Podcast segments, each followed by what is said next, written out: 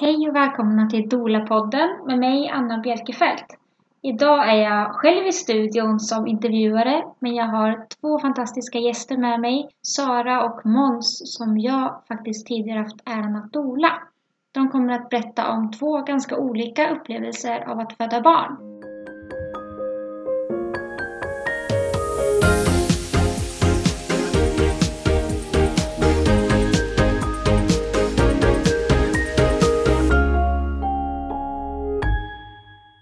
Sara och Måns! Hej! Hej. Välkomna till oss! Tack! Tusen tack! Vill ni berätta lite vilka ni är? Hej, jag heter Måns. Jag är pappa till två barn. En femårig pojke och en ett och ett halvt årig flicka. Och vi har fött med Dola.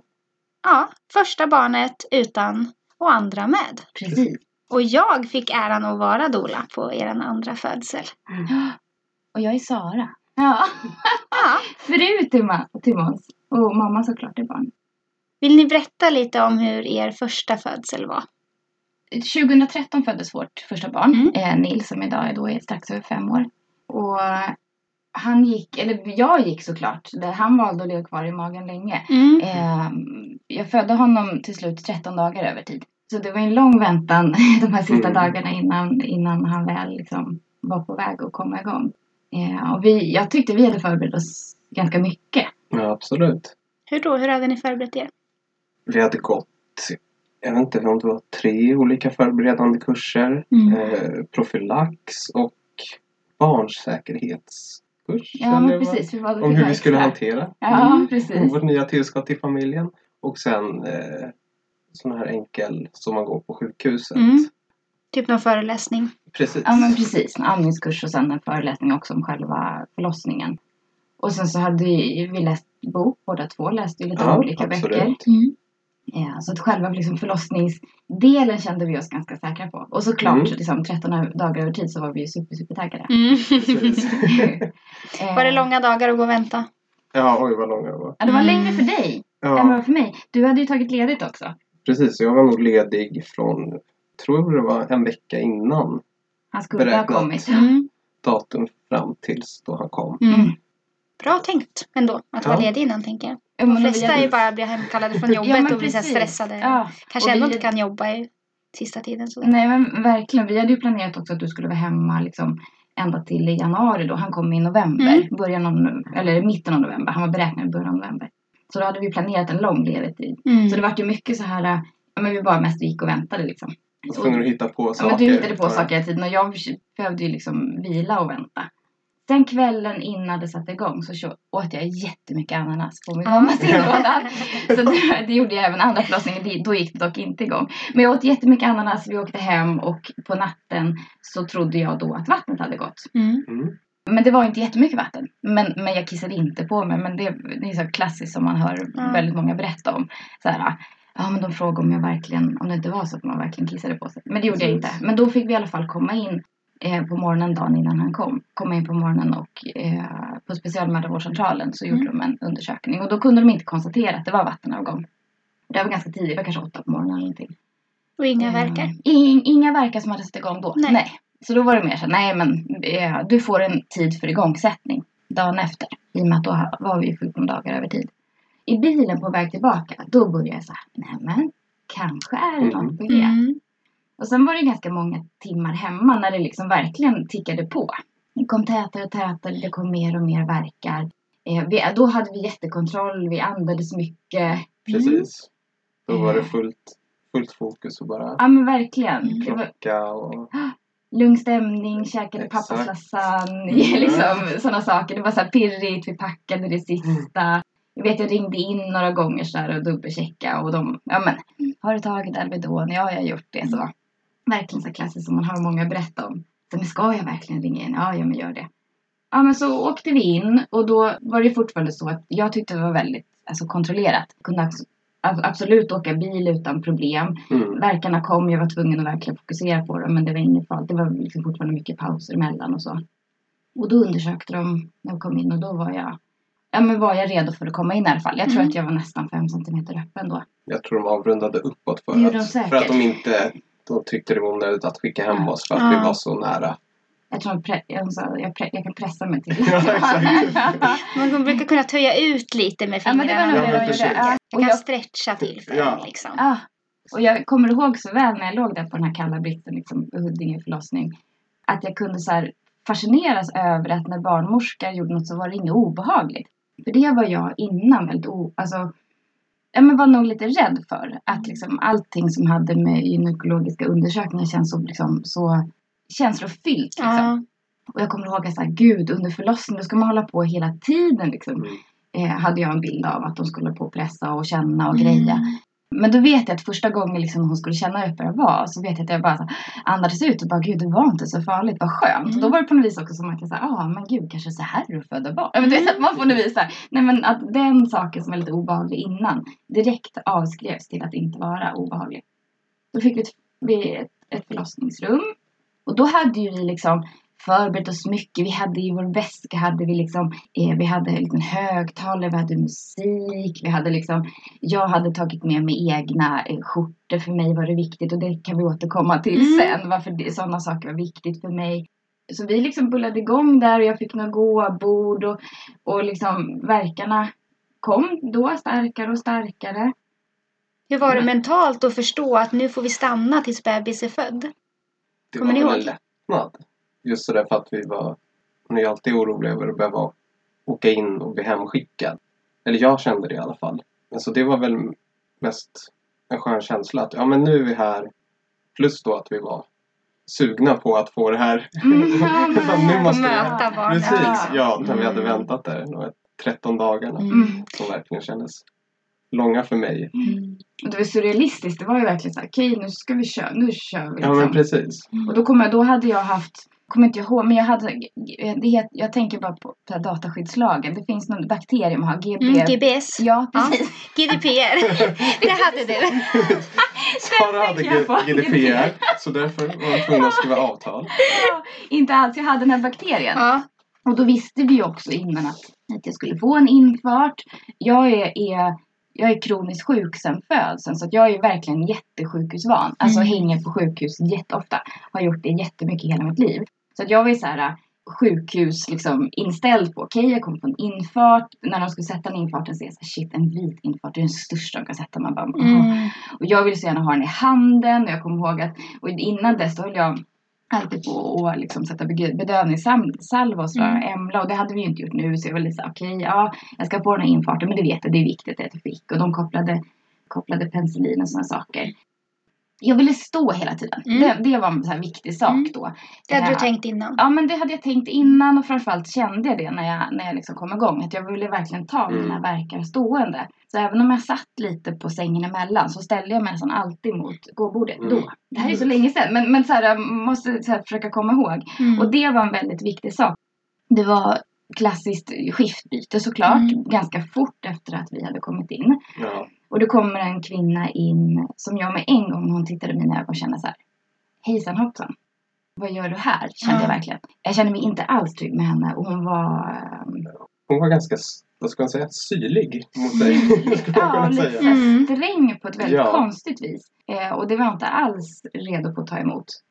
Precis, och hon, vad ska man säga, hon hade, fick en lite nedlåtande känsla på hennes liksom, tilltalssätt. Mm, Mm. Verkligen. För redan då så sa ju vi så här. Ja, jag hade ju skrivit förlossningsbrev och det ha- hade de förhoppningsvis läst. Det tror jag. Jag kommer faktiskt inte ihåg de här riktigt hur det var. Men i, i det hade jag i alla fall skrivit att, att jag ville föda utan epidural.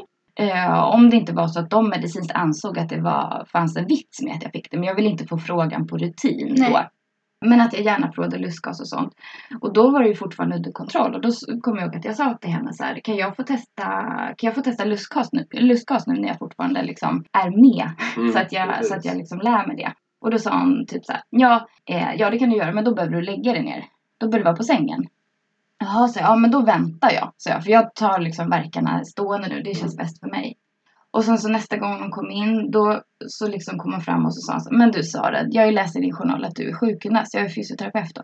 Hur tror du att du ska kunna klara av att föda ett barn stående i den här ställningen? Och då stod jag lutad. Vi hade väldigt lågt gåbord. Så jag stod lutad. och, Du kommer ju aldrig orka det här. Nej, precis. Men det var, det var en så sjukt Ja, märklig situation. Mm. Men vi hade ju också pratat om så här, tänk om det kommer någon som man inte känner. Ja, precis. Hur gör man Hur- då? Ja. Och jag är ju ganska, alltså i nära relationer konflikträdd men inte alls liksom, utomstående sådär. Så då tittade jag på henne och sa så här, vet du vi kan ju verkligen inte samarbeta. Jag tycker inte att du gör ett bra jobb. Eh, jag vill inte att du ska vara i rummet. Eh, och det sa Mm. vi ganska fort. Hon var ju kanske bara vår barnmorska om man läser journalen, kanske bara någon timme eller någonting. Ja. Innan dess att du sa det också Ja. så påtalade vi igen det här med lustgasen. Ja det gjorde jag vi säkert. Och Ja. då var det som att hon blev förnärmad eller något. Och då, jag kommer inte ihåg exakt hur det var men det blev ju som så att vi fick testa den själva. ja det var jättesjukt. Som att den var igångsatt och hon gick ut i affekt.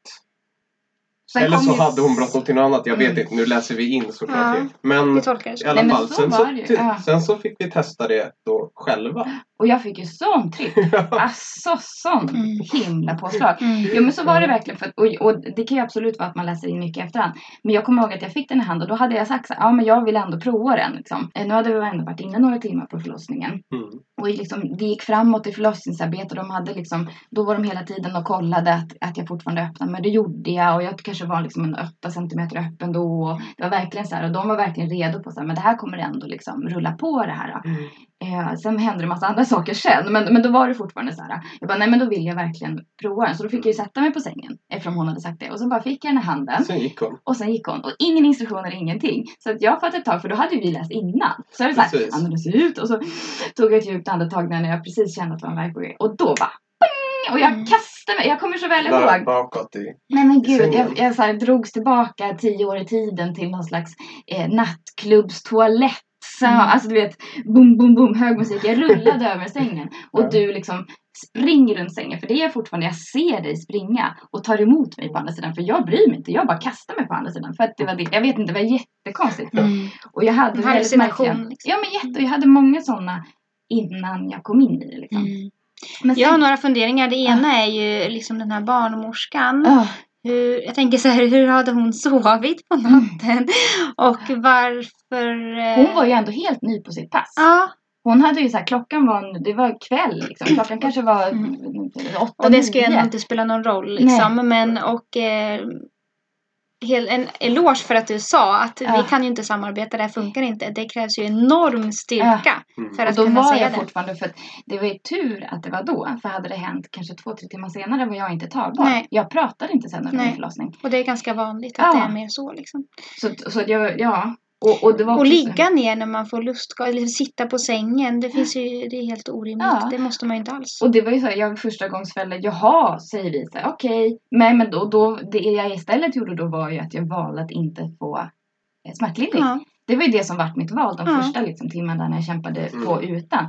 För att jag kände att, att jag kan inte för mitt liv förstå att jag ska sitta ner Nej. eller ligga. Nej. Min kropp bara, nej gör Mm. inte det. Varenda Mm. sa. Det gjorde så ont Mm. verkarna. Medan när jag stod tyckte jag ändå att jag kunde hantera dem. Mm. Liksom. Så då ska det vara liksom sitta och dämpa Ja. den smärtan med lustgasen Precis, eller så fortsätta det. vara Ja, uppe och ja. ändå ha Ja. till samma nivå. Och hon kom ju aldrig tillbaka. Vi upplevde att det nästan var som en affekt. Hon lämnade rummet Ja. så här. Mm. Och sa bara så här, mm, hon. Och så fick vi lustgas och sen gick hon. Men sen kom det en annan och då, och då var det ju jättebra. Ja, då, ja. och en absolut. jättebra undersköterska framförallt. En Mm. jättebra undersköterska då. Då var det några som ni klickade med. Ja, verkligen. ja. Men sen stannade liksom, all- jag var helt öppen men han hade inte roterat ner. Mm. Och sådana här saker förstod vi kanske mycket i efterhand. Mm. Mm. Då var det så här, ja men typ, jag fattade inte riktigt vad som hände. Det tog väldigt lång tid. Och de satte igång eh, dropp, vad heter det? Verkstimulerande. Mm. Och det var också en sak som vi inte... Ingen av oss registrerade att det var det jag fick. Nej. De kanske sa det till oss. Eh, Ja, det är möjligt, alltså massa det- så här, ingen aning om det. Nej. Jag hade redan infarten, de kanske hängde upp det och sa så här, nu ska du få det här. Eh, och det var ingenting vi hade tagit ställning till heller. Men då, helvete, då sa de så här, nej men nu måste du komma upp på alla, på alla fyra. Ja, så var det. Ja. Och sen under kanske typ tre timmar så stod jag stående hängandes över sängkanten. Var sjukt beroende av att du Måns skulle stå typ en millimeter ifrån mitt Mm. ansikte. Mm. Mm. Och jag eh, andades lustgas. Sen när jag hade liksom verken var slut, då kräktes jag en kräkpåse. Sen efter det drack jag lite och sen på att det värk igen. Mm, alltså jag hade bara några sekunder Så vi mellan. hade en bara rullande Om och om Mm. och om igen. Ni hade en rutin. Ja, Vi hade hade en rutin. rutin som någonting- var ja. ganska dålig. Ja, men det var Men ändå den... Nödvändig Ja. på något sätt låter det som. Ja, men vi i den situationen. Det, ja, det var ju vårt mantra på något vis. Alltså vi bara... Och, och vi, jag stod exakt likadant hela tiden. Mm. Men varför ville de att du skulle komma upp i sängen? På Eh, nej men då var det för att han skulle rotera ner. Ja. Eh, så jag stod nu så. De instruerade, jag ställde mig så. De, Mm. kanske, de kom säkert och gick Mm. här emellan liksom. Absolut, Men de var vi inte bara- konstant närvarande. Nej, men och vi var inte, vi registrerade inte de fem öre. Nej. Och så fort du försökte typ gå ifrån eller göra någonting så jag bara ah, Ja. ah! Och, och just nu pratade jag ingenting. Nej. Jag visade, jag kunde inte säga till den. Jag, Måns sa väldigt mycket så här, kom igen, åh vad duktig du är, vad bra. Och jag är en person som tycker sånt är så här, alltså säg inte det till mig. Det är så här Typ provocerande istället. Ja, men, Mm. Jätteprovocerande i vanliga fall. Mm. Nej usch håll inte på och gulla med mig och tycka att jag är duktig. Jag får så här panik. Mm.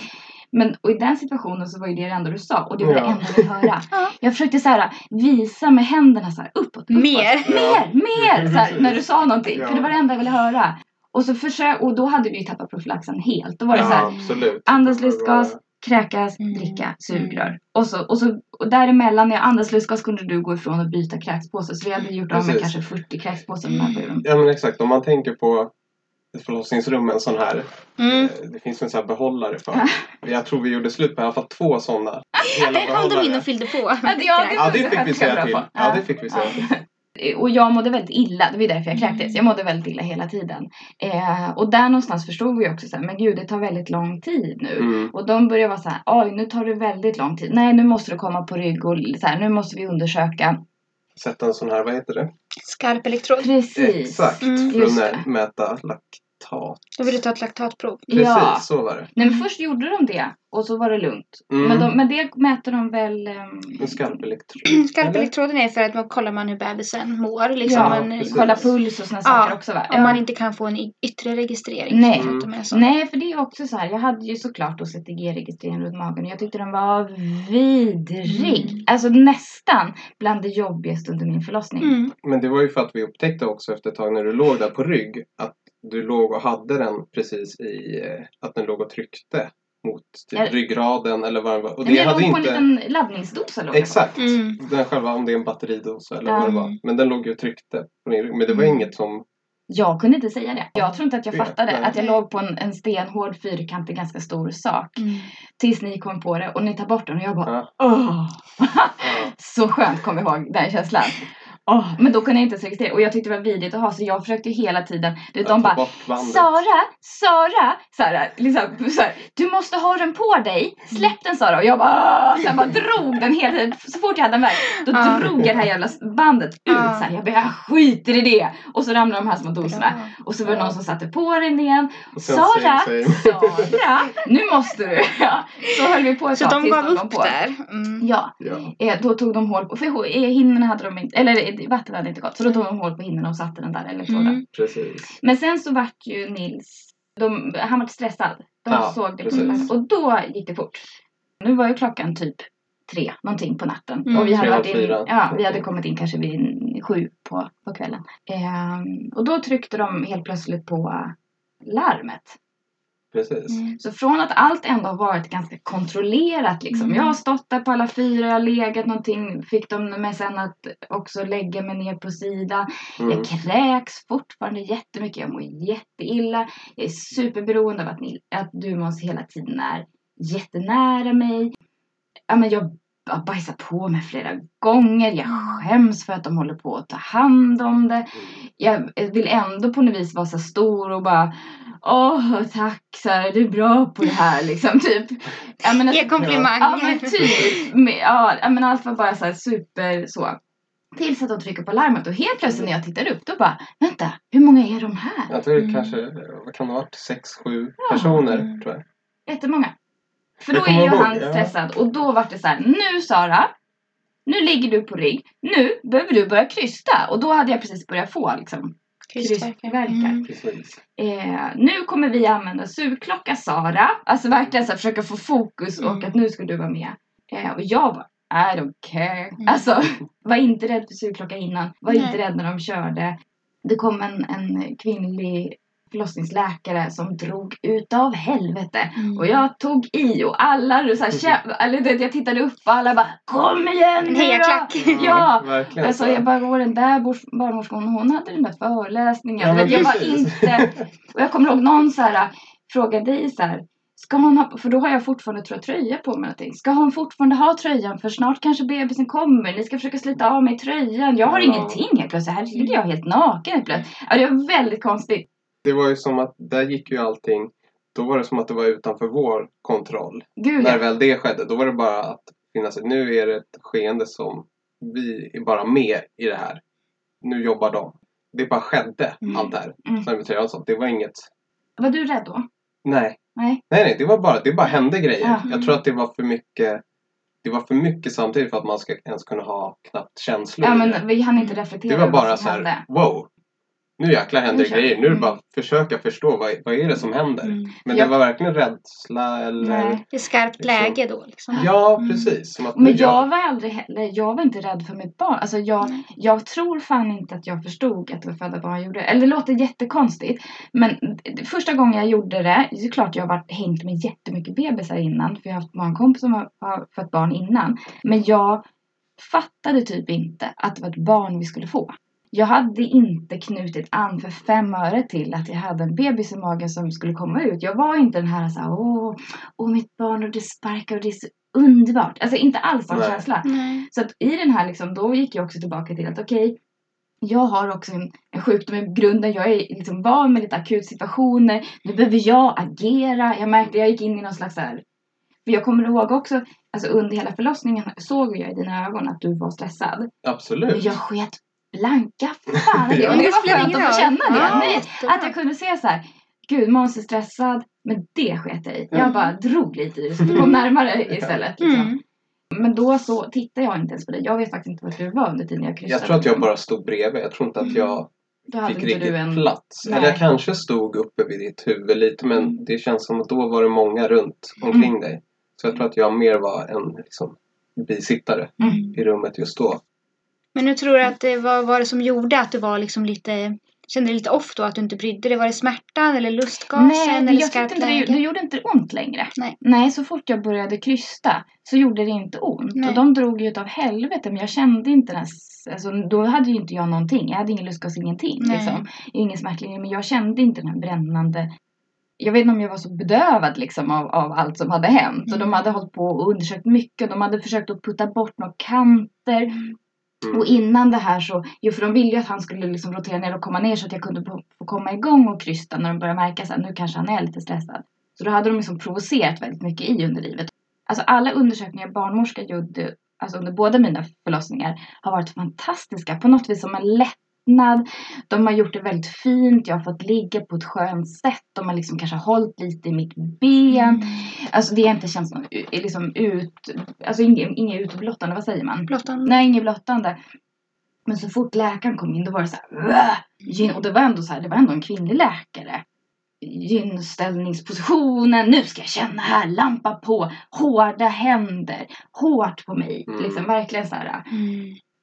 Så när jag väl krystade så, så liksom så hade jag ingen smärta och sådana saker. Utan jag tror mer att det var så här. Ah, okej, okay, nu bara gör vi liksom. Jag vet, jag vet inte. Hur lång tid tog det där med sugklockan? Nej men jag, alltså själva su- det är det här jag tänker så här. Alla att de drog varenda gång jag hade krystvärk. Men så var det inte för de drog tydligen bara tre gånger innan han kom ut. Ja. Så jag måste, för jag krystade ändå typ 40 minuter. Men det är det här som är så konstigt. För att jag tror, jag kan ha börjat krystat innan de tryckte på knappen. ja, så kan det absolut. För jag vet att det var en kort period i alla fall som du fick krystvärkar som du sa, som de sa att nu måste du hålla igen. Sen, så tro, Ja, sen tror jag du började jag Sen tror jag att du började lite ändå. Jag. Men det var att det hände. Ja, jag Men- smygkrystade jättemycket. Ja, Ja, det- ja. det hade jag Men tänkt eh, Jag ville trycka på hela tiden, kommer jag ihåg nu. Mm. Redan från liksom, jag var ju helt öppen Mm. i ganska många timmar. Mm. Men att han inte roterade ner. Mm. Och jag hade ju jäklans kryss, just det. Mm. För det kommer jag ihåg att jag tittade på undersköterskan och ja, jag krystar lite så här. Och hon bara, Ja, men då lärde ju hon mig någon teknik. Mm. Så sa, Precis. ja, Ja, då stod hon uppe vid dig. just det. Och flåsade med mig. Ja. Och det kommer jag så väl ihåg sen när, när avgörandet kom inför nästa förlossning. Vi ska föda med doula. Mm. För det var en viktig sak. Det var Mm. bra att du tog upp det. Mm. För hon stod ju med mig då och andades och flåsa. Och jag bara shit, Mm. jag behöver inte trycka.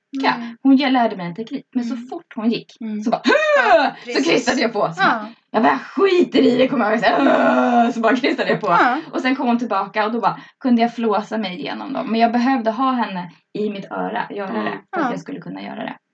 Exakt så är det. Man behöver ju ofta höra varje, varje verk. Exakt samma sak. Den guidningen liksom. Verkligen. Eh, Men då hade du antagligen tidiga krystvärkar. Att du Det hade det innan bebisen var Innan nere. det var dags att faktiskt krysta. Mm. Just det. Nej, men Och då så, kan det ju lätt bli att bebis blir stressad. ja, det liksom. kanske var det då. Mm. Wow.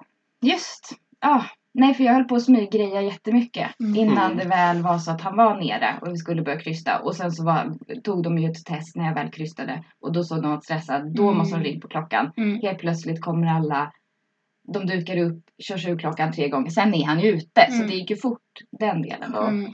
Eh, och då var ju inte så här, det är ju inte så att under tiden jag krystar förbereder de mig för vad som ska hända när han är ute. Då var vi ju jättefokuserade på krystandet, Mm.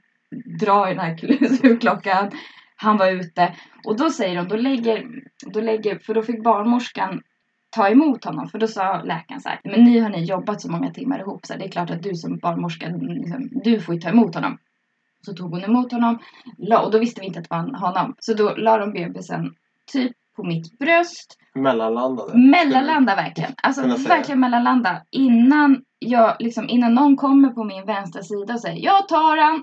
Typ. Eller jag tar den. Jag bara aha. Så då tar hon bebisen. Och då tittar jag ner och ser så här, gud vad bajsig jag är. Och så, så här, och så vet jag precis när jag släpper honom känner jag så här, är det en pung jag känner? Och då var ni ute i rummet. Precis. Då hade vi redan börjat springa. Ja, och då sprang ju du med. Då sa Precis. pappa följer med här. Ja. Så den liksom smetades ut på ditt bröst och sen Verkligen. vidare. Och sen vidare. Verkligen så var det. Jag Ja. fick lite bajs på bröstet och på Mm. armen när jag känner en pung och sen så Mm. var han borta. Så fick vi springa till akutbordet. Och där var en så konstig situation. För där blir jag så här också så super. Jag var inte orolig. Jag var inte rädd. Eh, jag fattade knappt att bebisen hade kommit. Jag var superfokuserad på, ha, vad händer nu? Där låg jag, barnmorskan var kvar, läkaren var kvar, men alla andra hade gått. Och då var jag så här, nu ska vi se vad som har hänt. Typ. Nu ska vi börja undersöka och kolla. Och jag låg där och började frysa men också höll någon slags god ton, skulle skämta lite. Konstig situation alltså. De började sy och jag bara, ja men det är lugnt för mig. Liksom. Läkaren kommer jag också sa flera gånger så här. Du har fött det här barnet. Jag bara, vad? Hon tjatar. Jag bara, jag vet att jag har fött. För Mm. jag kände inte det. Jag kände inte Nej. det som en förlust alls. Nej. Eller som att jag såg att hon drog, men fan vad jag klämde. Mm. Alltså så. Mm. så att, men hon var verkligen så här, Sara det är du som har fött barnet. Du har tryckt på. Mm. Gud vad du har kämpat. Du har fött det här barnet. Alltså bara, bara pepprade mig med massa sådana saker. Mm. Och jag tyckte att hon mest var jobbig. Men det var Mm. i efterhand var fint att hon gjorde det. För att det är säkerligen många som skulle tvivlat på det i en sån situation. Men jag hade kanske inte behov av det. Men Nej. inte vad jag trodde i alla fall. Men kanske hade jag det. Hur var det med moderkakan?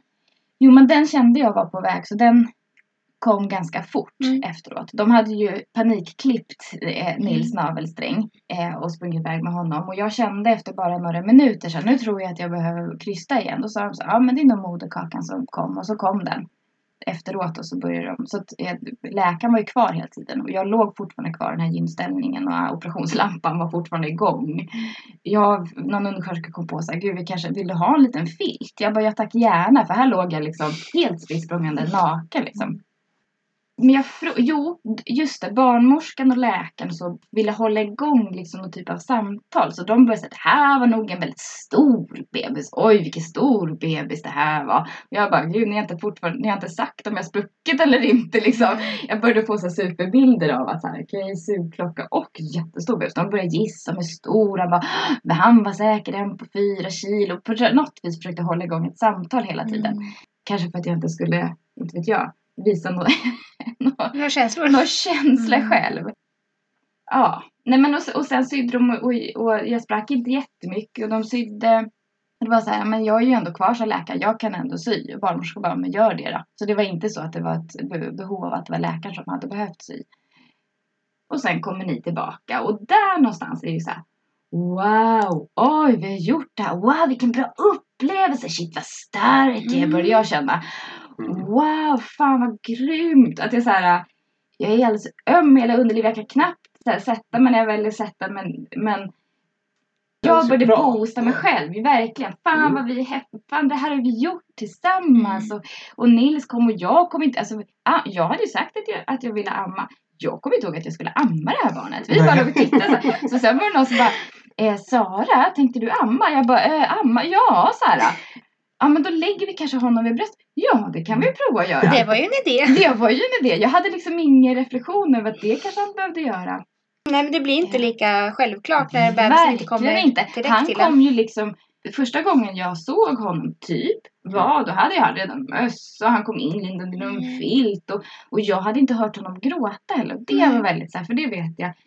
Det frågade jag dig efter kanske någon timme så här, jag bara, men gud. Han lät ju aldrig när han kom ut. Jag men då hade ju såklart Måns hört honom på det här Ja. akutbordet gallskrika. Men jag fick aldrig göra det.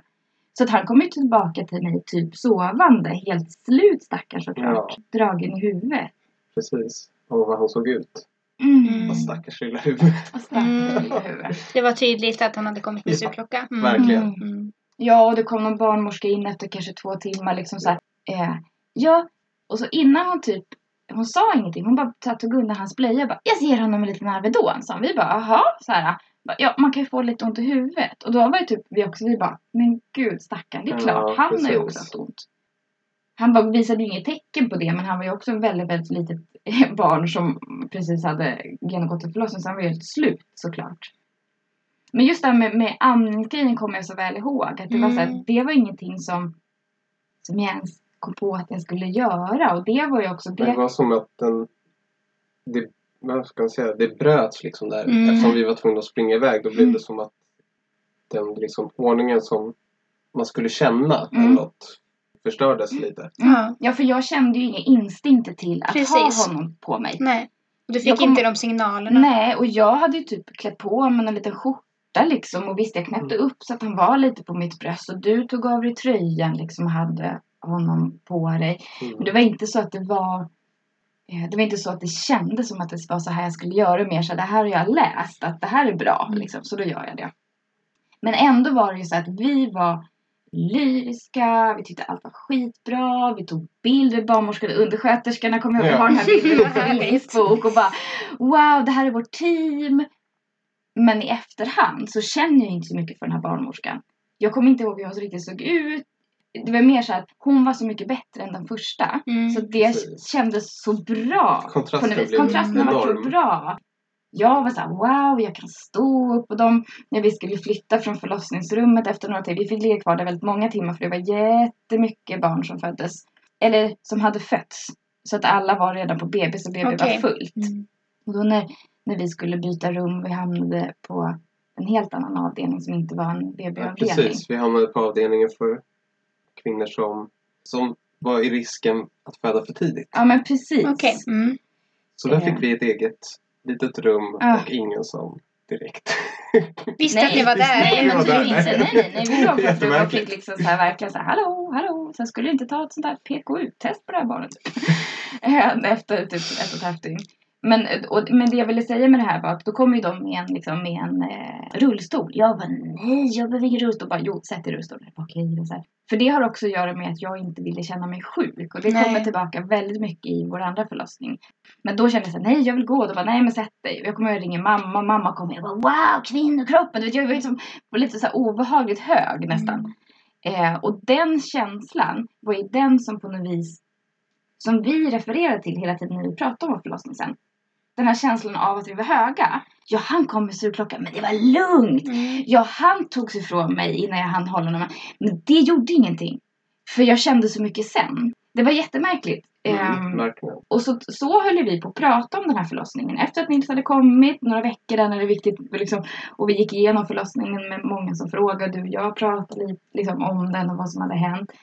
Men sen när Nils var några månader så var det ju ingen längre som frågade. Och jag reflekterade inte över vad det var som hade hänt under själva förlossningen. Utan vi lämnade ju det sen.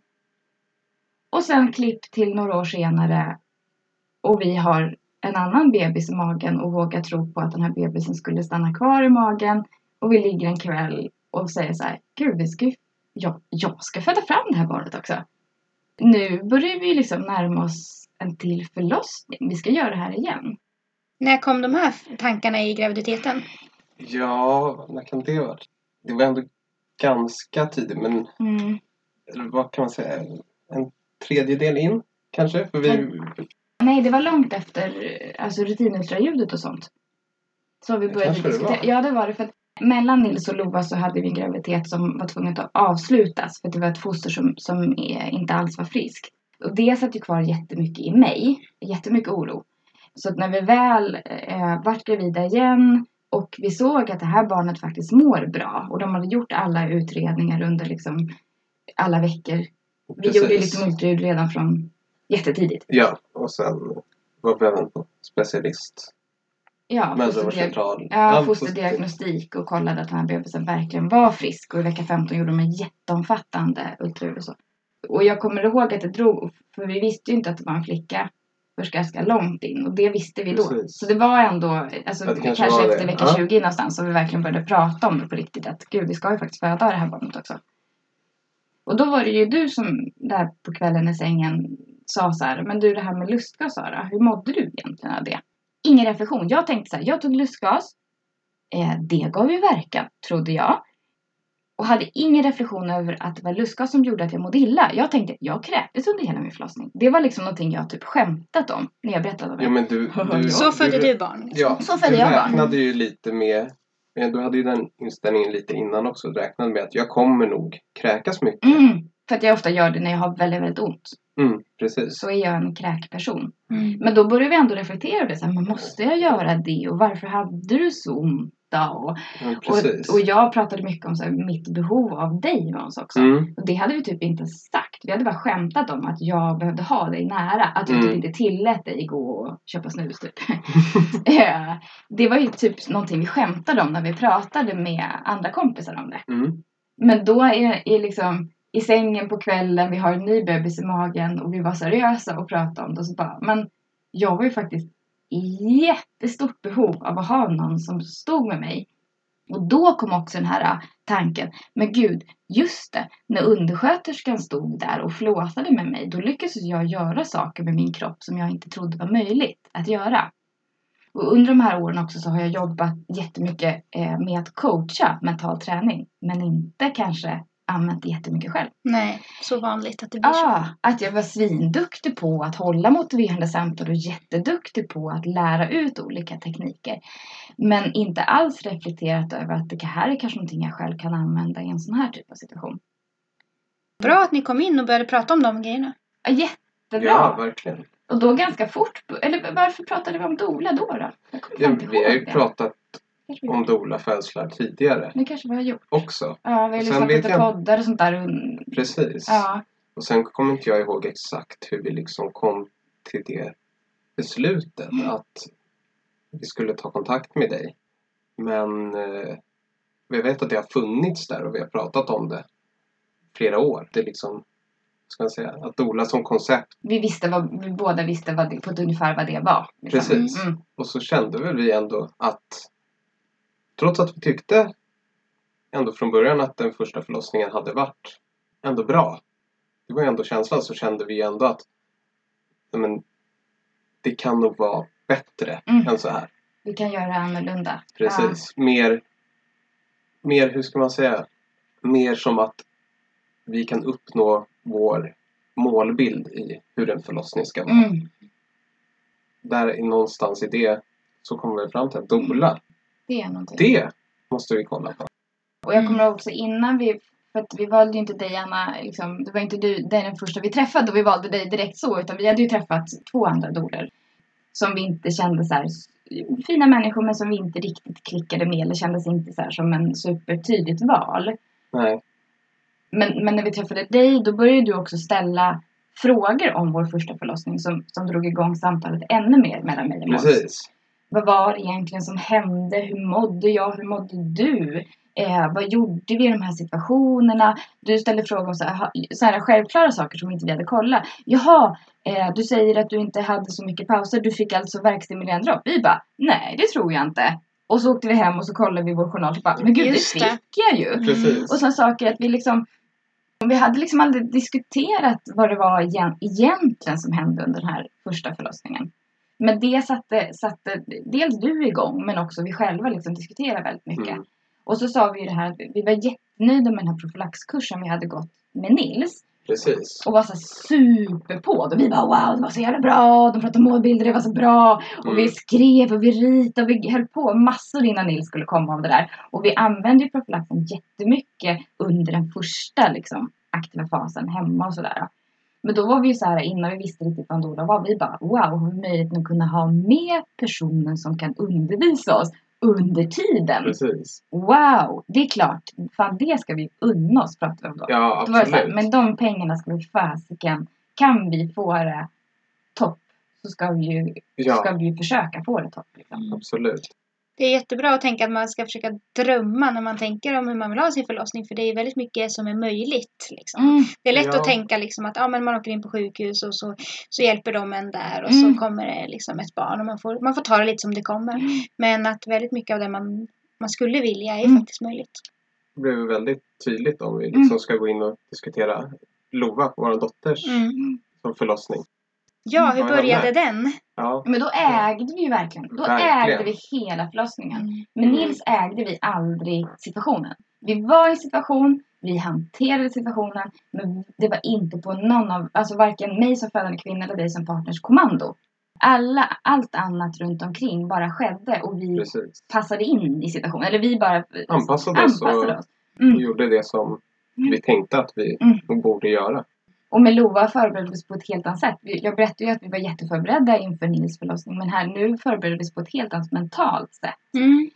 Och sen saker som, som är väldigt tydligt i, i Lova-storyn. Det här förlossningsbrevet var ganska likt brevet med Nils. Men en helt annan vinkel på det. Och sen saker att, att du berättade för mig att jag kan bestämma saker. Typ, jag kommer ihåg när jag berättade det här med då, då berättade jag för dig att jag tyckte att det var så jobbigt med CTG-registreringen. Så att jag behövde verktyg att kunna hantera CTG-registreringen runt min mage. Medan du frågade, eller sa så här, men du behöver ju inte ha den på dig. Och jag bara, what? Mm. Är det sant? Ja. Måste jag inte ha den här registreringen? Och då var det någonting jag kunde skriva. Så det var vissa punkter som var väldigt tydligt. Jag, det var väldigt tydligt inför Lovas förlossning att jag inte ville ha på mig sjukhuskläder. Och det har med min sjukhusbakgrund själv. Att under min förlossning ville jag inte känna mig sjuk. Och så skrev jag ju att, att jag inte eh, ville ha CTG-registrering. För att, och då skrev jag en förklaring för att jag tyckte det var vidrigt att ha det runt magen. Och jag, och jag mådde väldigt dåligt av den. För att jag tyckte det var obehagligt med det trycket. Och så skrev jag att jag inte ville ha epidural på rutin liksom. Eller liksom att jag skulle bara få frågan som någon slags smörgåsbord av smärtlindring. Utan att jag kände att jag ville inte ha det. Eh, och jag skrev också det här med lustgaset då. Att jag mådde så fruktansvärt illa av det. Så att jag vill prova utan lustgas då. Om det är så att jag under förlossningen säger att jag vill ha lustgas. Då vill jag ha utbildning i det liksom. Hur ska jag egentligen använda det på Ja. bästa vis? Och så skrev ju såklart i förlossningsbrevet som sak att vi skulle dola med och så. Så alla de här sakerna jag skrev i förlossningsbrevet gjorde ju, tror jag också sen väl på förlossningen, att de som läste mitt förlossningsbrev hade en, en bild av hur jag ville föda mitt barn. Det var väldigt tydligt när i det bemötandet Ja. som vi fick från eh, barnmorskan. Ja. Vilket var i- slutändan jättebra. Helt fantastiskt att hon hade det här bemötandet. För hon var en fantastisk person. Men det spännande var att ur min synvinkel hade alla såna här saker. Ja men typ att jag inte ville ha en infart i, i handen på bara rutin. För ifall att jag skulle behöva ha något läkemedel. Utan jag ville känna mig så frisk som möjligt. Eh, Alla de här sakerna hade egentligen med min sjukhusbakgrund Mm. att göra. Men det tolkades när man läste att jag var en kvinna som ville föda supernaturligt. Och här kommer jag med en dola. Och Mm. jag ville bara känna in. Och det var inte så jag tänkte. För alla de andra sakerna hade helt andra typer av meningar för mig. Mm. Eh, men det var väldigt spännande för det gjorde ingenting att hon tolkade mig så genom brevet. För att hon hade ett fantastiskt fint bemötande. Mm. Verkligen. Men vad hände då? Vi skulle föda Lova. Precis. Eh, Hur var det i förhållande till BF? vilken- Ja, det var, var det fyra? Eller ja, sex, Sex dagar. Sex dagar över var det. Då kommer jag ihåg att då märkte vi att det skulle att det var något som hände dagen innan. Då var vi inne på Kulturfestivalen Mm. med Nils Mm. och gick runt där. Och då började du känna att nu, Nu kan det nu, vara något hän- på G. nu kan det vara något som händer här. Jag vet, jag tittade på dig när vi gick där förbi Ja. i Gamla stan. Så tittade jag så här. Jag, jag tror faktiskt att det är på riktigt nu.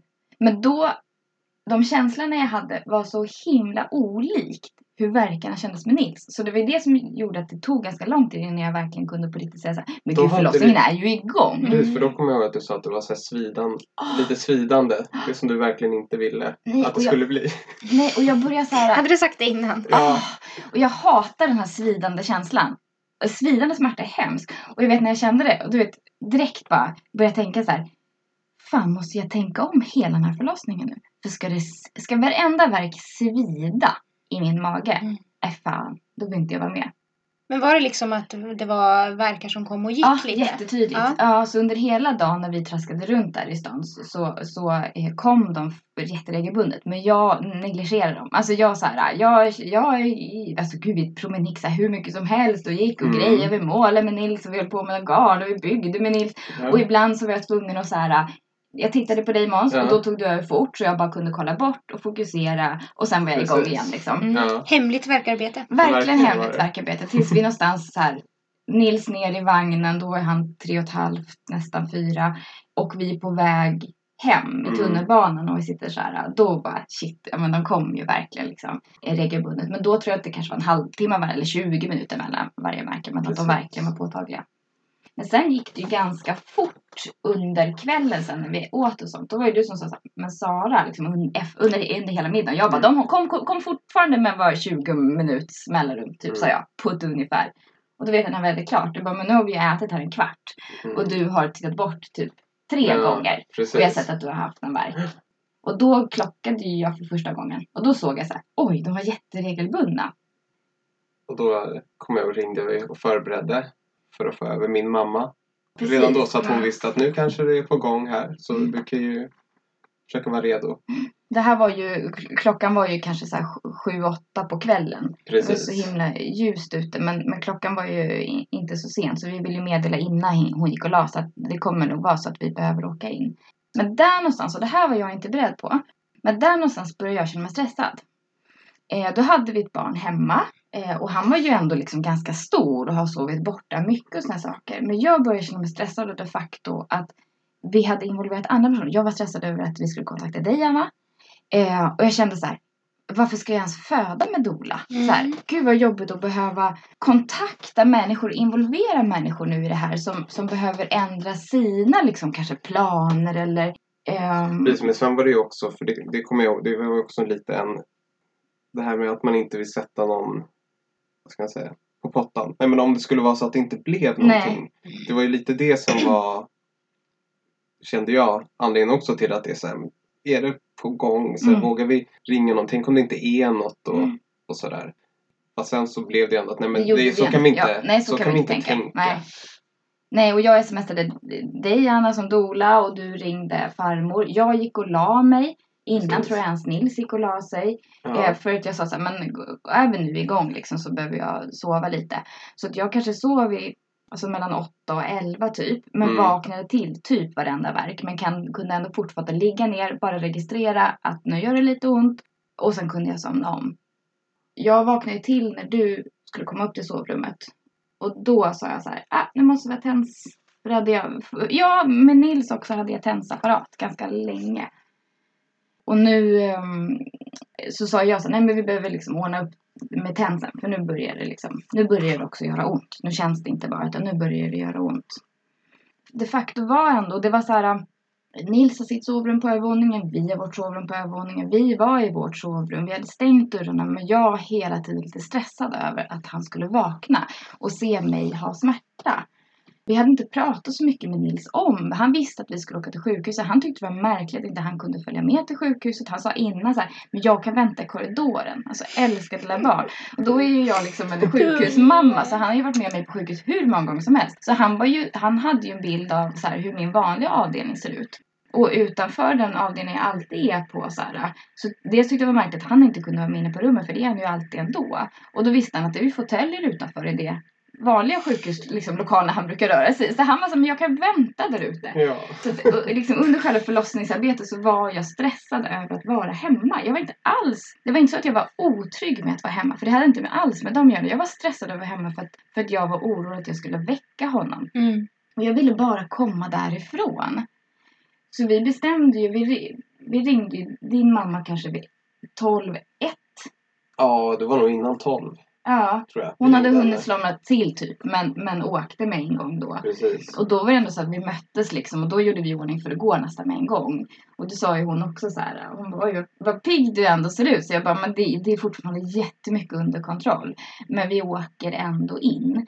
Och jag hade väl någonstans en känsla av att det är nog ganska tidigt i förlossningen. Men verkarna har hållit på ganska länge liksom och, och de var relativt intensiva. Mm. Men, men det fanns ju ingen tvekan till att jag kunde ha- hantera dem liksom. Nej.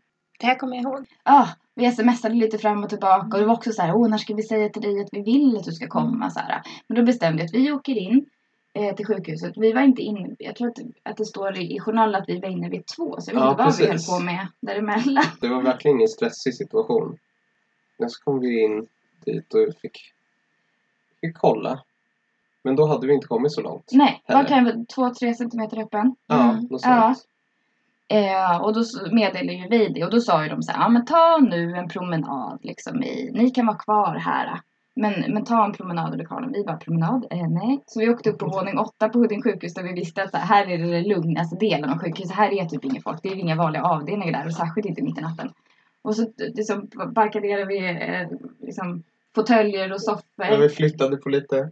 Jag hade en sån här saccosäckskorv som var den bästa korven jag kunde eh, haft i hela mitt liv. Det är så vad märkligt. Men jag hade köpt den och den var jätteskön under, under graviditeten. Fantastisk under förlossningen. Svinbra när, när Lova väl var född. Eh, så den hade vi med oss. Vi bullade upp med den. Vi låg och lyssnade på podd. Jag försökte Precis. dricka lite cola. sommar, alltså saker. sommarpratare. Sommarpratare för det här är i augusti hon föddes Ja. ett och ett halvt år sedan. Eh, så precis, det var sommarpratare. Ett och ett halvt år sedan idag, Idag! faktiskt. Ja, typ idag på det. dagen ett och ett halvt år sedan. Så Det var lite var precis ett och ett halvt år.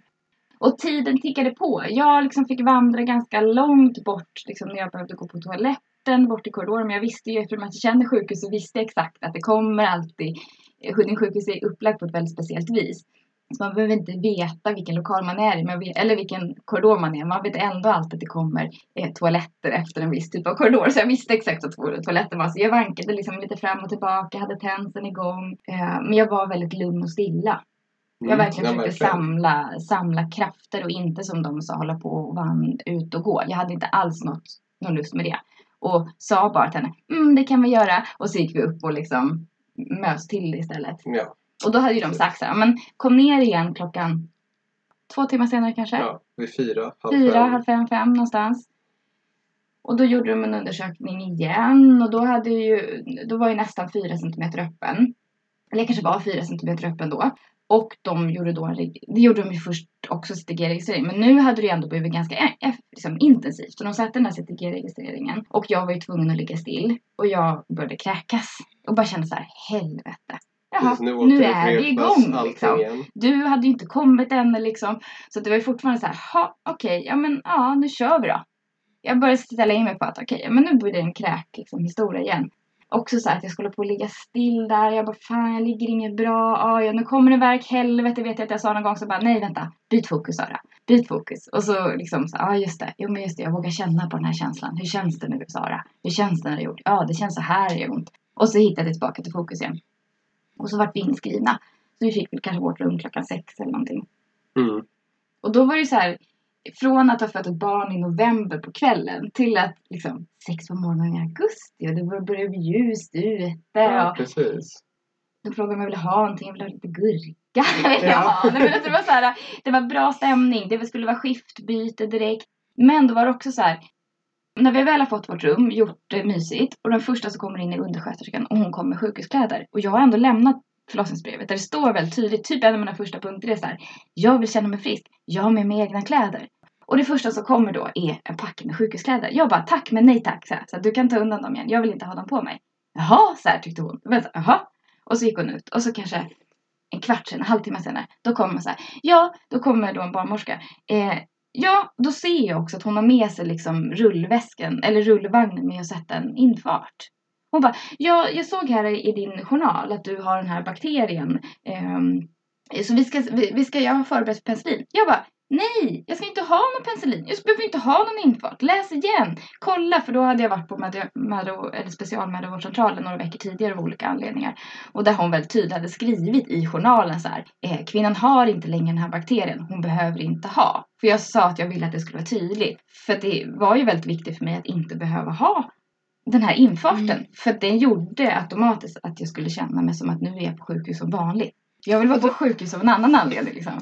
Och då kan man ändå få höra liksom, att ni behöver inte skriva förlossningsbrev och varför gör alla det? Det är nästan så här att en del kan tycka att det är jobbigt att man kommer in med ett förlossningsbrev men Så viktigt. Och de hade ju inte så här, de antagligen, jag kan tycka så här, men det kan ju stå saker i förlossningsbrev som är viktigt även om man inte är det teamet som ska ta emot bebisen. För det är inte bara att ta emot bebisen som är viktigt under förlossning. Det är ju egentligen bemötandet ända från start. Ja, Mm. från när man kommer in genom Och den är nästan ännu viktigare för det är där all Sätter liksom tillit... Ja, sätt, verkligen. Mm. Helt rätt. Sätter känslan och liksom här, skapar tilliten. Så bara de facto att, att det här teamet kom in med sjukhuskläder. Det så, låter så jävla banalt men var ändå en så här viktig sak för mig. Mm. Så bara nej, jag ska inte behöva säga nej tack. Nej. Utan det ska ni redan ha läst Mm. liksom. Men sen var det eh, skiftbyte. skiftbyte. Men då precis hade du kommit innan. mm, precis halv åtta har jag skrivit. Ah. Mm. Just det, sex, sju, ja en och en halv timme efter att vi hade kommit in i. Mm. Och då kommer jag så väl ihåg för då hade jag hittat en fantastisk ställning. Mm. Jag låg uppbullad som en tron och för första gången på typ ett dygn, nej, nej inte riktigt ett dygn men kanske så här typ 15-16 timmar så hade jag typ inga verkar. Jag hade hamnat i en position som gjorde att mina verkar var jätte, jätte försiktiga. Och jag kunde verkligen så ligga och, och njuta typ av tillvaron. Jätteskönt. För innan dess hade det inte varit något problem alls. Men det var ändå så att verkarna kom regelbundet. Och jag behövde ändå fokusera. Mm. Jag behövde gå in i mig själv. Jag behövde liksom, det tog lite energi för mig såklart Mm. varje verk. Men nu hade jag en period när jag typ inte behövde göra av med energi alls. Jag kunde bara ladda. Och jag hade fått någon gurksnutt och då jag bara, Mm. jag vill inte ha den i skivor tack. Jag vill gärna ha en bit. Alltså en stor bit. Har ni ända på gurkan så vill jag gärna ha den liksom. Ja, så då fick jag den här gurkbiten. Jag kommer ihåg jag liksom kunde sitta och slicka lite på den här gurkan. Och du kommer in och det känns bara så här. äh, Hej, välkommen liksom, kom till oss. Ja, jag har skrivit, jag har mina anteckningar framför mig och jag har skrivit att du sa jag ska föda barn. Ja, ja men jag kommer så liksom väl ihåg den här känslan. Ja, fan nu ska föda barn. Ja, Kom, nu men det kör var väldigt, verkligen, vad ska jag säga, alltså vi var ju, det var jättelugnt och vi var otroligt positiva. Är Det är liksom, det, all, hela känslan var bara Mm. så här, Mm. "Men, härlig. Verkligen. Och den, den späddes ju på när, när bara några minuter här för mig efter att du kom, kommer in ett nytt team. Och den här barnmorskan kommer in med de varmaste bruna ögonen. Mm. Och med, med liksom en så fruktansvärt liksom tillåtande blick. Hon bara, åh vilken stämning det är inne. Åh, liksom. Och bara, Dola, åh, ja, Just det, vilken det var bra hon. idé. Maria har jag skrivit Maria, ja. Och hon liksom allting. Och det första hon säger också, jag har läst ditt förlossningsbrev. Eh, vad fint att du har skrivit det till mig. Och att, eller liksom till oss. Och att, vad fint att jag får ta del av det. Och typ så här uppmärksammade mig i det. Eller som att det var något positivt. Och inte Mm, den här känslan verkligen. som man har fått. Eller som, som, som jag har fått innan av andra. Så här, jag just, jo, men jag också, det finns ju också ett brev. Eller så att de inte ens nämner att de har läst brevet. Utan att jag får gissa mig till så här. Ah, den där personen agerar så här. Det är nog bara för att de har läst brevet. Så var det med det första Precis. förlossningsteamet. De som var med mig med Nils eller med oss. Ja, som att det är att de känner att det här är något som vi måste rätta oss Ja, efter. som så. att nu, det här är ju en önskemål, Mm. men det hindrar ju lite vårt jobb. Mm. Den känslan. Mm. liksom, Verkligen. Det är nog igenkänning på det Ja. tyvärr. Ja, men hon, som sagt, den Ja. barnmorskan som kom in där, där var det ju verkligen tvärtom. Hon Så, som att, uppmärksammade ju Ja. att det faktum att jag hade skrivit det och vad bra att du skrivit och dolan och hej och åh vad kul och det här Mm. ska vi göra tillsammans liksom. Mm. Och hon bara så gud jag ska, lys- jag ska lyssna på bebisen så tog hon fram en liten doppler så här. Jag bara, jag behöver inte ha någon registrering. Hon bara, nej, så här, det tar vi längre fram. Jag bara, ska du inte undersöka? Hon bara, varför ska jag göra det? Och sen vart det ju liksom, hela den här förlossningen handlar typ om att Vi, jag och du Måns och du Anna, vi jobbade hela tiden. Jag var jätteberoende av, även den här förlossningen, att ni var jättenära. Vi hummade jättemycket tillsammans. Precis. Vi liksom, eh, du hjälpte oss att ändra mycket positioner. Jag kände mig säkrare på att våga ändra positioner. Jag var säker på att våga säga nej. Jag vill inte lägga mig på sidan. Jag vill inte vara uppe i sängen. Vi hade också, det är en rolig, en rolig sak. Vi hade ju, vi hade ju med oss eh, och gjort en förlossningslista även till första barnet. Precis. Vi hade med oss högtalare. Den här musiken kom aldrig på frågan ens. Och jag vet att jag sa till mina, alltså till mycket kompisar efteråt så här. Ha ha ha, det här med att göra en förlossningslista, liksom, glöm det. Det kommer vara ditt kommer inte sista gå, fokus. Det kommer inte gå att lyssna på det. Nej, du kommer aldrig hålla på och bry dig om den här musiken. Jag har fött barn innan, du- så du kommer aldrig behöva göra det. Och så du, nu då med Lova, jag bara Ja. gud sätt på musiken! Och, du, Ja. jag, och det var helt plötsligt jätteviktigt att det var låtar som jag kunde så sjunga med i. Ja, och stod och dansade med. Tillsammans. Det låter så, Så superflummigt men allt vart så jättenaturligt. Mm. Och jag vågade, jag vågade känna. Alltså framförallt, verkarna nu började ju göra jätteont. Men det var inte rädd ont. Men Nils var ju så att jag stod, höll hårt någonstans och nästan ville sparka när det kom en sån här verk mot slutet av öppningsskedet. Och nu var det mer så här. Nu, kom, nu tror jag sa, eller ibland så tittar ni bara på när jag satte på tensgrejen och då visste Mm. ni att det kom och då liksom gjorde ni er redo och sen så var ni nära mig och så började vi andas. hummade vi. Hummade och du Anna kunde säga såhär, nu axlarna Sara kunde du bara rätta så bara ja just det. Och så jag kommer så väl ihåg när jag så blundar mot det här äh, gåbordet så känns det såhär, fan jag vågar. Gud jag känner det gör jätteont och där gör det ont och så här känns det och den här. Och så bara, och så var verken slut så bara, ja nej men nu är det bra. Och så hade jag de här jättetydliga pauserna när jag hann gå och kissa och inte behövde ha som jag hade med Nils jättemycket verka på toaletten vilket var fruktansvärt. Och nu med, med Lova liksom under förlossningen då kunde jag så här, ja, men hinna typ springa och kissa innan det kommer verk. Eller om det kommer verk då kunde jag liksom typ ställa mig mot väggen inne på toaletten själv och kände att jag, jag klarade det. Det var inte så här nej, nej, nej, nej, nej, utan det var mer så här, nu kommer det verk. Alltså helt annorlunda. Och framförallt var det ju väldigt så här, Maria barnmorskan, hon, hon bara lät oss jobba på. Och inte kom och störde utan de gångerna hon ville lyssna att Lova i magen fortfarande mådde bra då liksom gjorde hon sig, hur ska jag säga, hon tog liksom ingen plats. Hon smög in och sa lite fort här, jag ska bara lyssna eller ni jobbar så himla bra ihop, jag ska verkligen inte störa.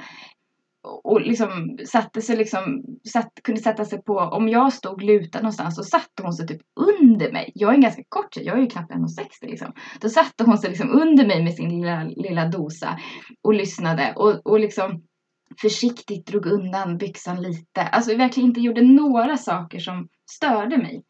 Verkligen inte så här, nu ska vi undersöka Nej. det. Du får lägga det här. Ja. Utan det Nu var som behöver att jag... hon förstod att i det här skedet så Mm. Var det hon som kom in och störde. Liksom. Mm, mm. Så hon försökte. Det var ju ja, fantastiskt fint. Ja, så ska en barnmorska vara. Hon Ja. var så lugn och trygg i sig själv att hon behövde liksom inte försöka ha någon slags kontroll på ett skeende som man faktiskt inte kan ha kontroll Nej, över. verkligen. Nej, hon var jättemycket så här och boostade mig. att, Men du har fött barn innan och jag behöver inte kolla att det går framåt. Alltså i ditt underliv. Jag ser ju det på dig Sara. Ja. Jaha, ja just det liksom. Vi hör ju på dig att det går ju framåt. Det går precis som det ska Sara. Mm. Du gör det här bra. Liksom. Det här fixar du. Du vet precis hur du ska göra. Så vi kämpade ju på liksom, eller det var inte ens så. Men Nils kämpade på. Under den här förlossningen var det så här, vi bara var. Vi var där och det Vi gick var framåt. och det gick framåt. Och det kom jättemycket verkar regelbundet. Och jag hade pauser emellan och det bara var så här. Ja, det gjorde ju ont men ändå in, Eller liksom så här, men jag vågade känna att det gjorde ont och det var, gjorde inte sånt. Eller liksom, jag vet inte vad. Det var bara en så helt annan stämning. Tills det helt plötsligt var så här. För jag hade fortfarande tensapparaten och, och kände verkligen jättebra liksom, verkan av den. Tills det var precis i slutet av öppningsskedet. Eh, och jag liksom sliter av tensen i en verk och får någon slags liksom, eh, stöt. Eh, och det gjorde ju såklart att jag eh, liksom kom lite ur fokus. Och någonstans här också började det göra så ont att jag kände ett helt annat behov än att gå in i ett lugn. Och den här första liksom, av de här verkarna som kommer nu, för nu, nu är det några sådana verkar som, som är på väg att komma. Liksom. Mitt inne i den här verken vet jag att jag känner att jag håller på att misslyckas.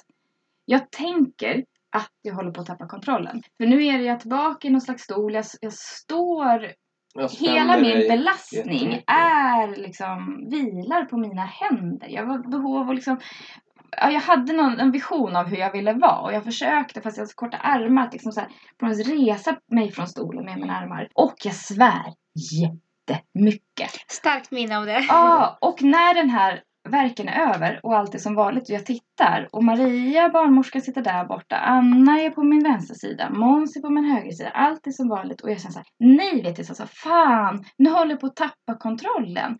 Och både du, Anna och Maria bara klappar händerna bara yay, yes! Så här, men det är det här, nu börjar vi se att det liksom, nu börjar det hända saker. Nu är vi i det här skedet när, när du behöver det här. Nu behöver det låta så här. Jag bara, ja men tänk om jag gör de andra födande kvinnorna rädda. Ni bara, skit i dem. Och jag kände så här, jag bara, men gud allt har varit så kontrollerat och lugnt och jag stör ingen så här. Men nu bara, liksom.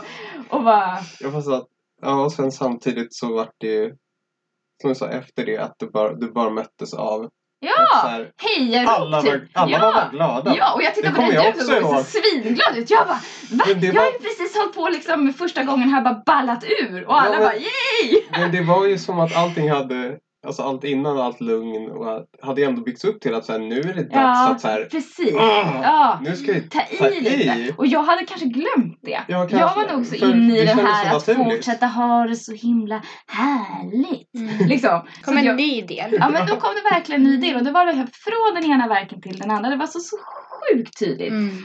Och då hade ju Maria inte undersökt med henne. Möjligtvis kanske när hon kom in där typ vid halv åtta, åtta undersökt mig. Men under alla de här timmarna under förmiddagen så liksom gjorde inte hon det alls. Men då vet jag, då, då tror jag det var jag som frågade så här, kan du inte kolla?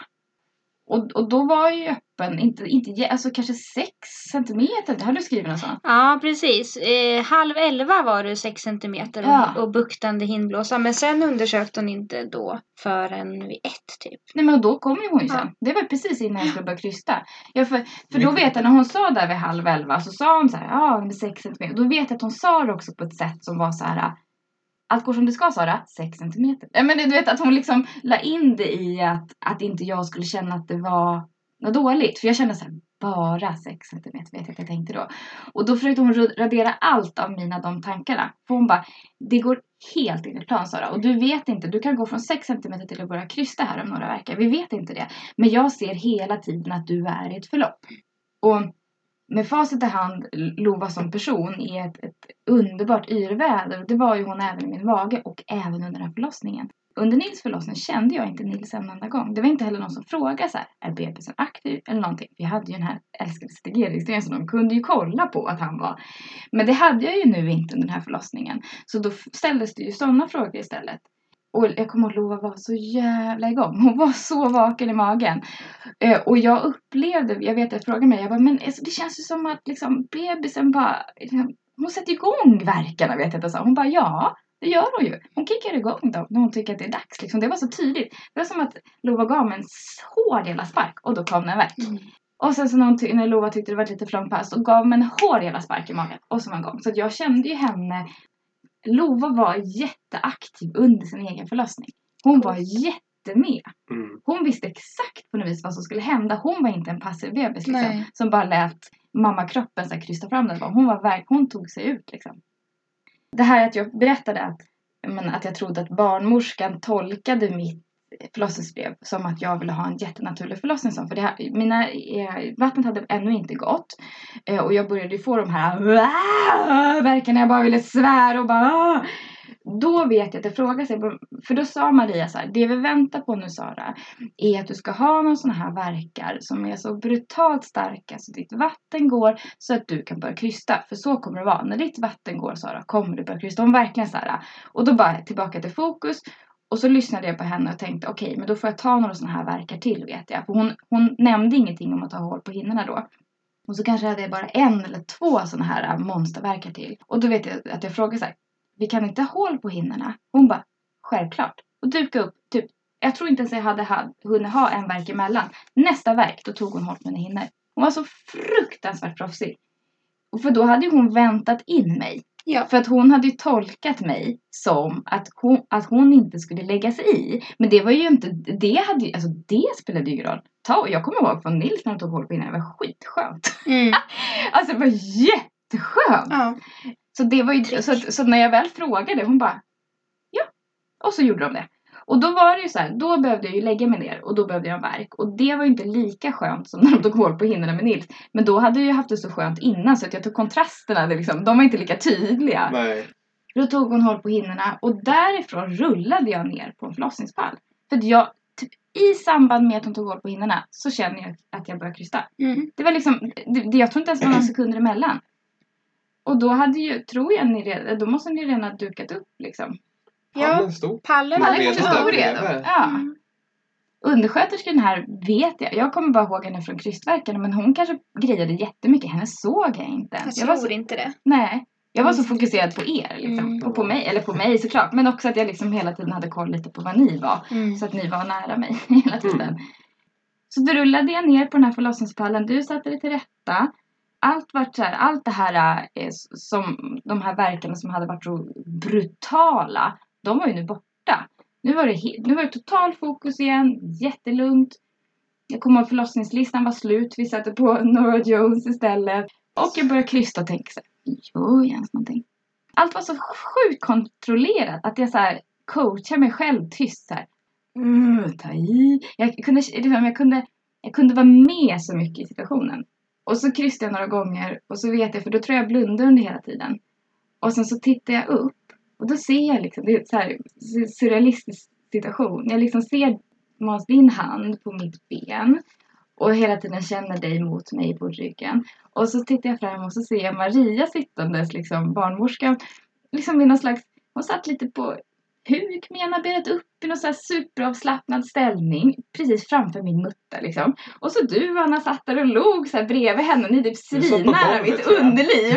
Och där sitter jag och så ser jag liksom undersköterskan gå runt, hon servar lite med varma handdukar. Hon bara liksom så här rördes lite så vet jag tänkte här, här sitter vi liksom på golvet på din sjukhus. Gud vad äckligt vet jag. Jag tänkte så här, gud hoppas de har städat så här ordentligt.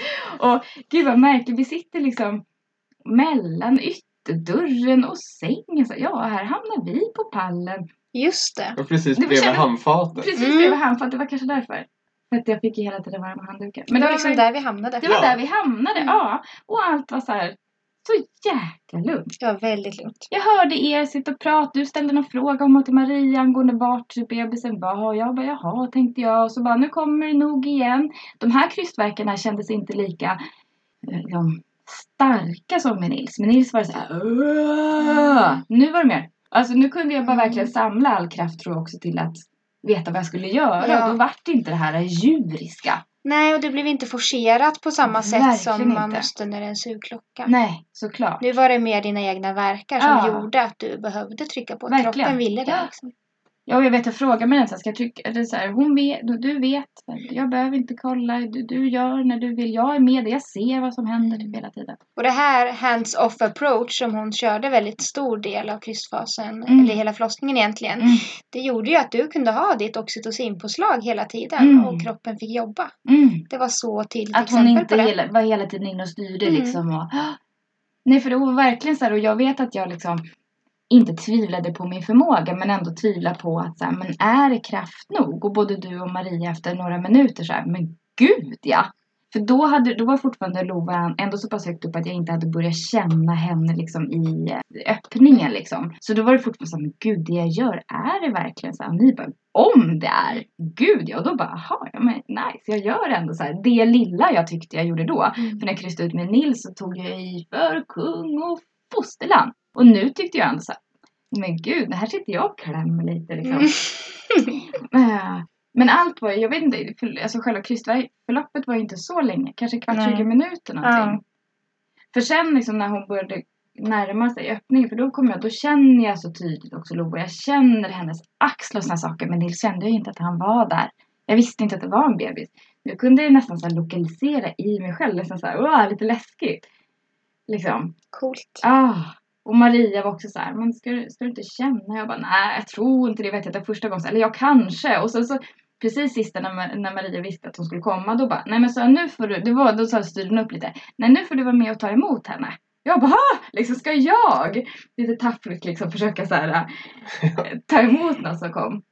Och sen var hon bara ute. Bara sådär. Ja men typ bara sådär. Mm. Och jag vet att jag tänkte så, men gud hur lång, liksom. Men Nils kunde inte för mitt liv förmå mig att förstå tidsförloppet. Jag var inte där för fem öre att kunna förstå det. Nu var det ändå så här, jag visste fortfarande att det hade liksom gått en förmiddag. Jag trodde att klockan var någonstans efter lunch. Alltså jag hade en, en känsla för det. Jag kunde ha krystat länge eller kort, det hade jag liksom ingen känsla för. Men ändå var en helt annan, jag var där. Ja, verkligen. Du behövde ju inte alls gå in, eller du gick inte in i dig själv alls på samma sätt. Mm. Nej, jag som låste att- mig inte i mig själv. Jag var Nej, inne i mig själv men jag låste inte mig själv utan jag öppnade upp för att ni var där Mm. och, fick, och var med mig. Liksom. Jag Du var ju mottaglig. Verkligen. Liksom, för andra saker. Men ändå fokuserad. mm. Och då kommer jag ihåg att du fick komma upp i säng och det har jag skrivit Mm. också att, eh, att du sa liksom så här, vilken bra idé det här var. Ja!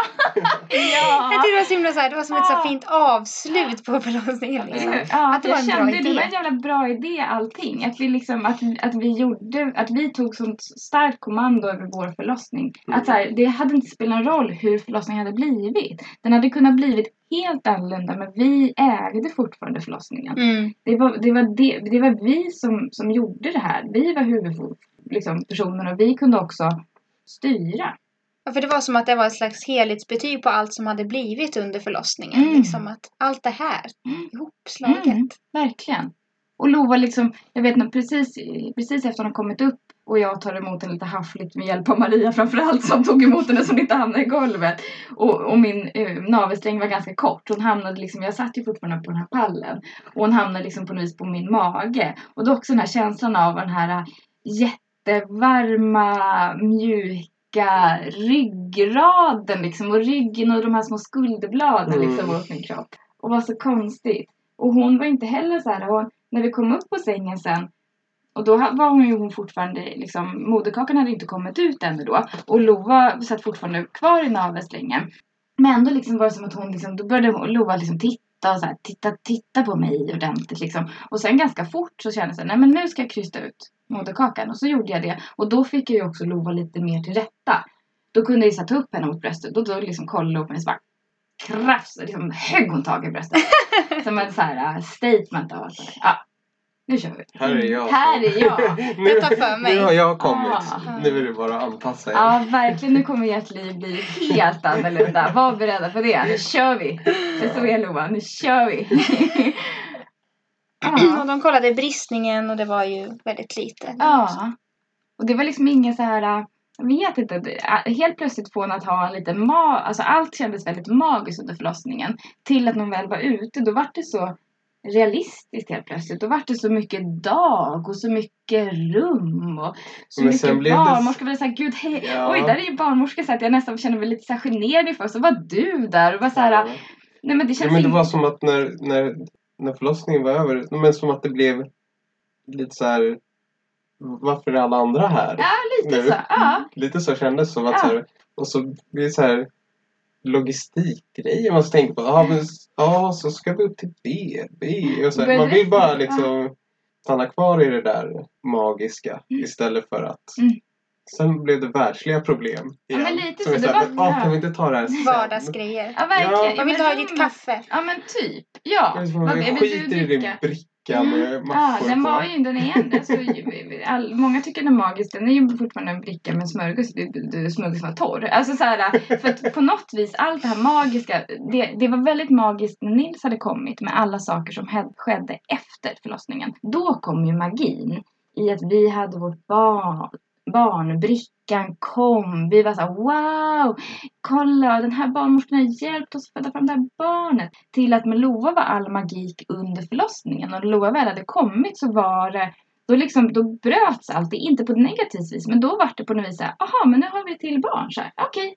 Nu är, liksom, nu är livet så här. Och tack, tack bricka, så oj, oj, hehe, så här. Men typ, jag bara, men kan inte du gå och köpa en bla bla bla. Eller det kändes liksom, det kändes inget konstigt, det kändes jättesjälvklart. Det var bara så här, ja, ja.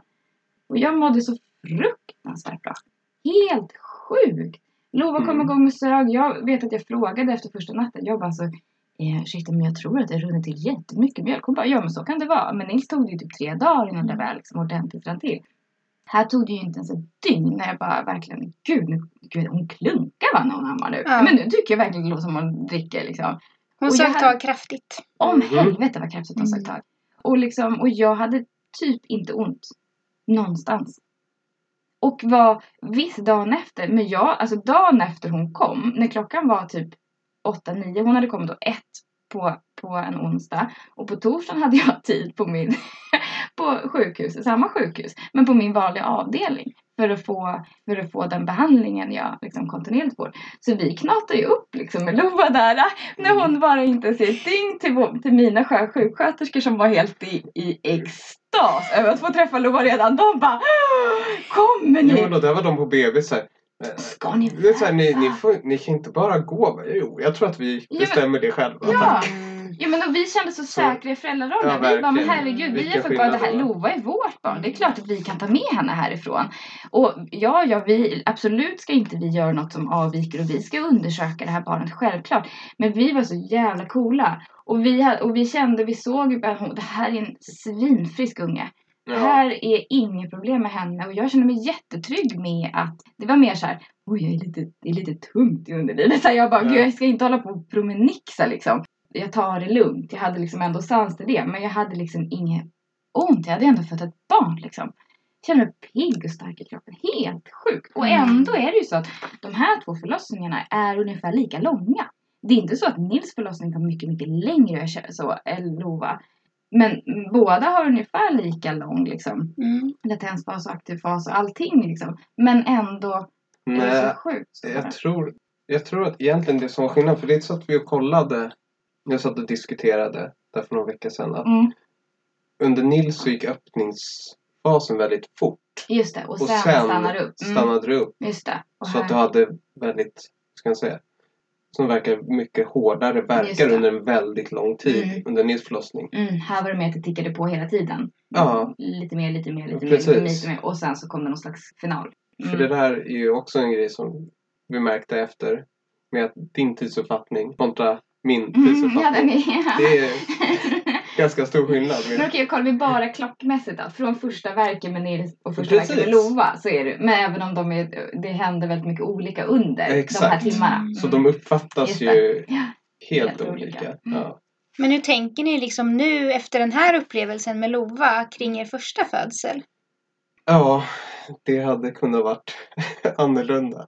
Men vi hade kunnat säga. ägt den mycket mer. Fast å andra sidan som förstagångsföräldrar, ja det är klart, hade vi då valt att föda med doula hade vi fått reda på väldigt mycket mer fakta som hade kanske kunnat gjort situationen annorlunda. Men det är ju fortfarande, ska säga, det är fortfarande så att, att sakerna som hände hände, men vi hade kunnat haft en annan kontroll och kanske en, en annan trygghet. Absolut. För det var ju det som också var den stora skillnaden. Att där var vi ju, som vi kände det i stor utsträckning, liksom lämnade för oss själva. Mm. Vilket vi nu under liksom Lovas förlossning hade varit mer bekväma med. Även fast, Mm. liksom, Ja, fast nu precis. att ha dig där Anna var ju ja, jag vet inte hur jag ska skatta det men det är liksom det är Det var så alltså jävla... vilket lugn att känna hela tiden att ha en person som vet Mm. om det uppkommer någonting och bara ha en som vet om är jag trött då är det okej att jag sätter mig för jag satt inte ner under Nils förlossning en sekund Mm. jag hann inte men ingen av oss hann ju äta jag vet inte om jag drack men liksom Nej. bara, liksom bara vetskapen att jag inte ensam stöttepelare i det här är värt så mycket Det är så spännande för vi, vi fick ju väldigt, väldigt många frågor av våra nära och kära och, och bekanta och kompisar under Lovas alltså, graviditet. När vi hade bestämt att vi skulle föda med doula var det ju väldigt många som först här positivt, jaha, wow! Och sen så gick de direkt till sig själva och så bara, jaha, men jag hade inte kunnat föda med doula för att jag gör så här när jag föder barn och varför ska jag ha en till person? Och så bad de över till mig igen så här, jaha, var det så att Nils var det liksom, hade du en väldigt dålig upplevelse med din första förlossning? Och jag bara, nej, alltså jag hade verkligen inte, jag hade en jättebra förlossning. Men varför ska ni ha doula då? Jo, nej men för att vi vill äga situationen mer eller för att vi kände att det finns fortfarande saker som vi hade kunnat gjort annorlunda så det blir ännu bättre.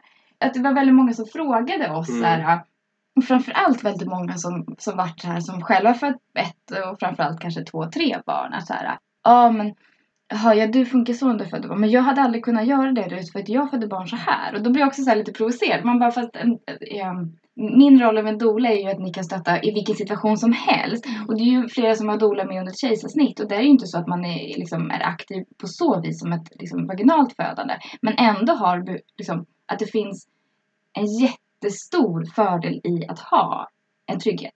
Och du behöver ju inte göra, för det var ju många som också så här, frågade kontra mig och Måns. Jaha, så här, men vad gjorde no- Måns då under din första? Jag bara, jag var jätteberoende av honom och jag vet inte om jag är det nästa gång. Men kanske är det. Men det är ingenting som stör att jag har ytterligare en person som jag kan känna ger mig stöttning. Det är väl nästan så här, det är väldigt många frågor runt det. Ja. Det är lite som att man också förminskar att eh, det faktum att hur det är att föda barn. Att, så här, Mm. Men det är inte något speciellt liksom. Man kan väl, det klarar väl, alltså Mm. alla kvinnor har ju ändå Ja, gjort ja. det alltid liksom. Och då förminskar man, tänker jag, Ja. liksom hur stor omvälvande händelse det är. Mm. Och inte bara det fysiska som händer. Utan också hela den mentala biten. Mm. Mm. Och det är många som fokusera på en också första förlossningen. Det är alltså en väldigt stor sak.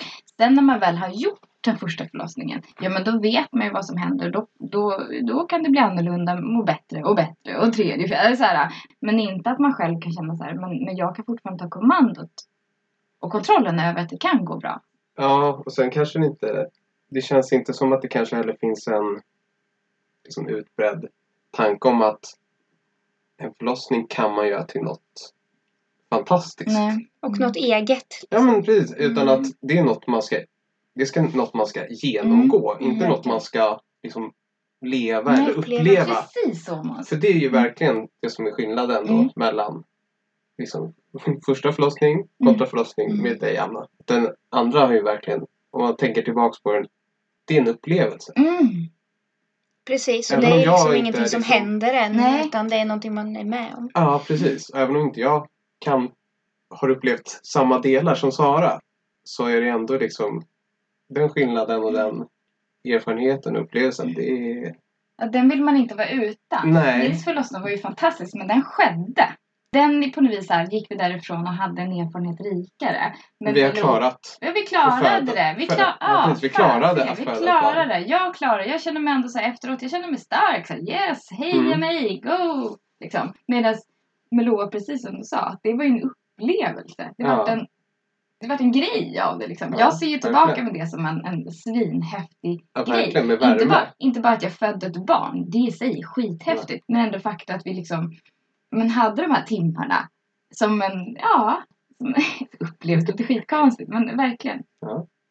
Jag minns er förlossning så starkt som att vi lyssnade på bra musik. Ah, Och den här fantastiska barnmorskan som välkomnade liksom både er och mig så himla varmt Mm. och kärleksfullt. Liksom. Och att ni höll på med det ni gjorde på ett så himla lugnt och tryggt sätt. Jag, alltså, när en doula inte gör jätte, jättemycket då tycker jag nästan att hon har liksom lyckats, situationstecken, eh, bäst. Mm. För att ni var så trygga i det ni höll på med. Mm.